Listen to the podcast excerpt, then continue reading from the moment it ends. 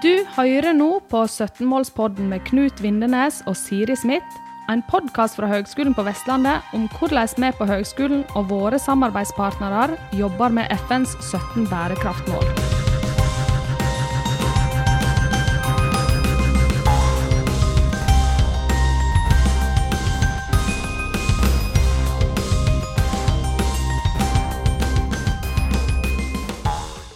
Ja, da snakker vi med Hanne Alstrup ved Lure. eh, Fra, hun er leder i Utmarkskommunenes eh, sammenslutning. Hei. Hei. Ja, da, eh, da ønsker jo vi eh, å høre om forventningene som ulike aktører har til akademia, og sånn sett også med høyskoler. Hva tenk, du har noen tanker der, har vi forstått. Hva tenker du?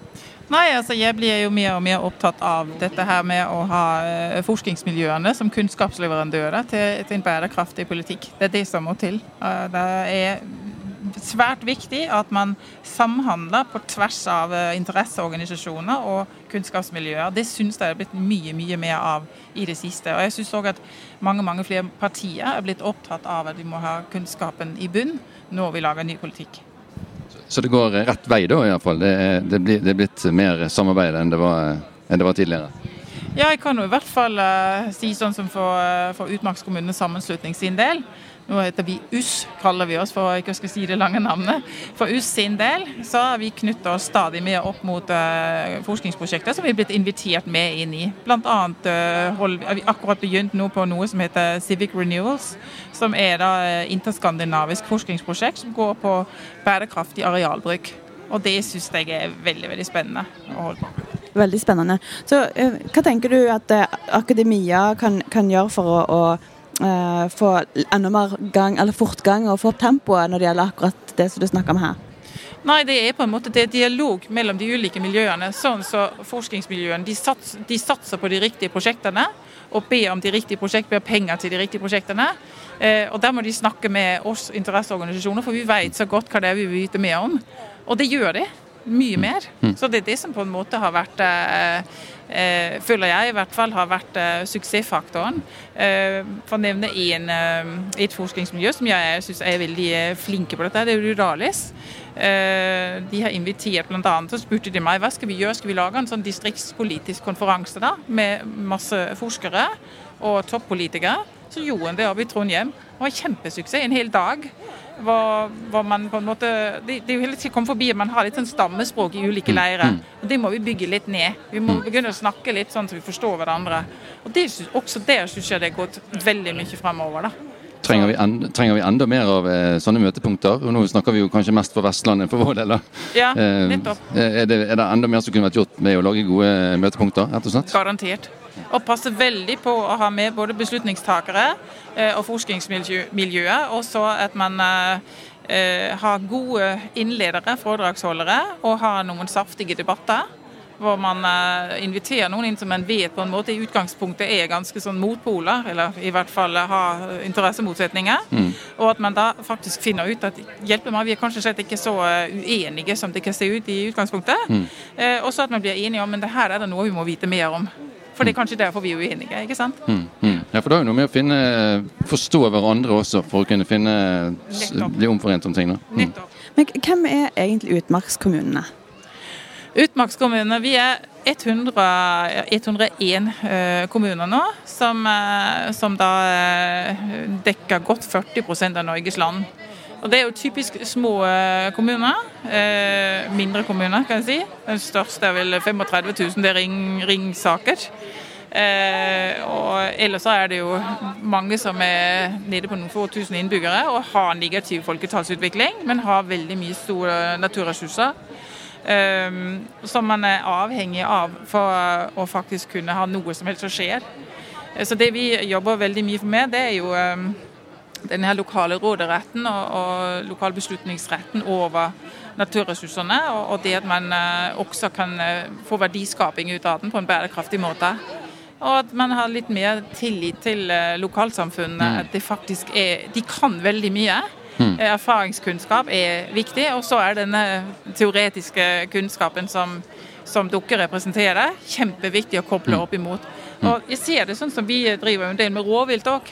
i tillegg til realforvaltning, så vi, eh, jobber vi veldig mye på rovviltsida. Og da har vi fått til en sånn konsultasjonsordning med regjeringen, med, med tre, to departementer. da Landbruks- og matdepartementet og eh, Klima- og miljødepartementet. Og Der ser man igjen det der med sektorer som i utgangspunktet slett ikke kan nesten snakke sammen. Når man kommer ned rundt samme bord sammen med lokal kunnskap fra kommunene, så er det utrolig hva man faktisk får til, at man forstår hverandre. sant? Og, uh, mange av oss som, uh, som jobber i, uh, i US-organisasjonen, vi har vært i møter med bl.a. Rovdata og fant jo ut at her er det jo grunner for at man går og klager og syter på hverandre. Det er fordi vi ikke egentlig helt vet hva hverandre driver med. Mm. Og noen helt enkle ting vi fikk løst, mm. som, på, som gikk på kommunikasjon.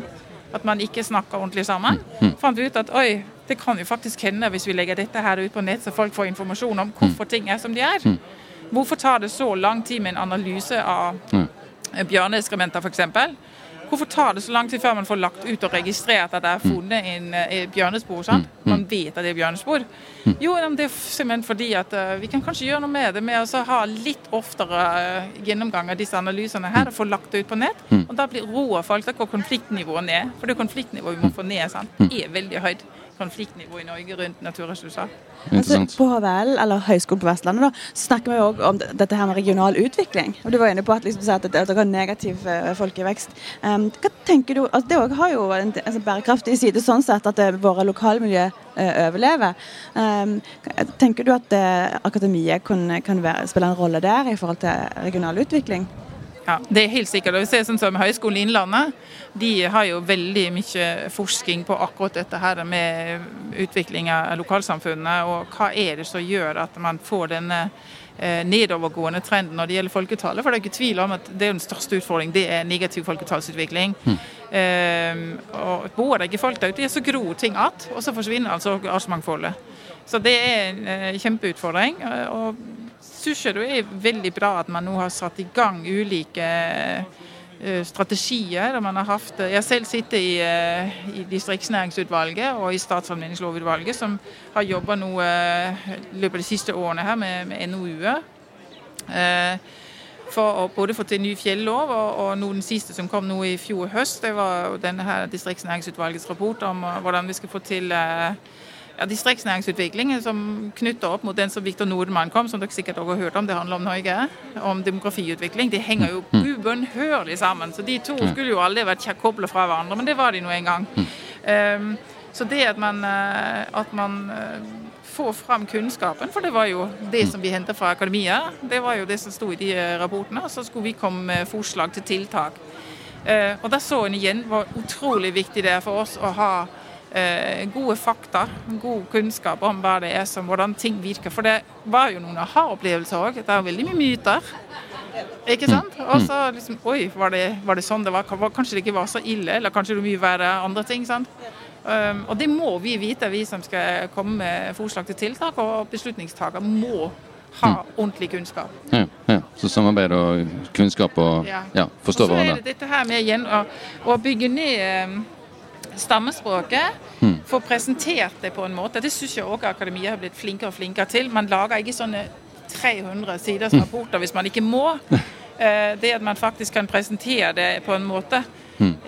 For vi vet jo godt at veldig mange ganger så leser politikere kun et sammendrag. Sant? Og det er noen ganger for tynt. Men det at man kan presentere det likevel, kanskje på mm. 30-40 sider, for det, det, orker alle å lese. Og alle gjør det hvis det er spennende også. Det kan du forvente, ja. ja. Mm, mm, Men kommer man opp i det her 300-400-500 siders rapporter Uh, ja, OK, jeg leser et sammendrag på fem sider. Sant? Så det er noe med hvordan man kommuniserer også, ikke bare at man har kontakt? Og, ja, ja, jeg tror vi sier tusen takk for uh, samtalen. Da. Tusen takk. Veldig kjekt å snakke med deg. Ja, tusen takk. Ha en fin dag videre på Arendalsuka. Ja. Du har nå hørt en podkast fra Høgskolen på Vestlandet. Du kan høre flere podkaster fra oss ved å gå inn på nettsiden hvl.no. slash podkast.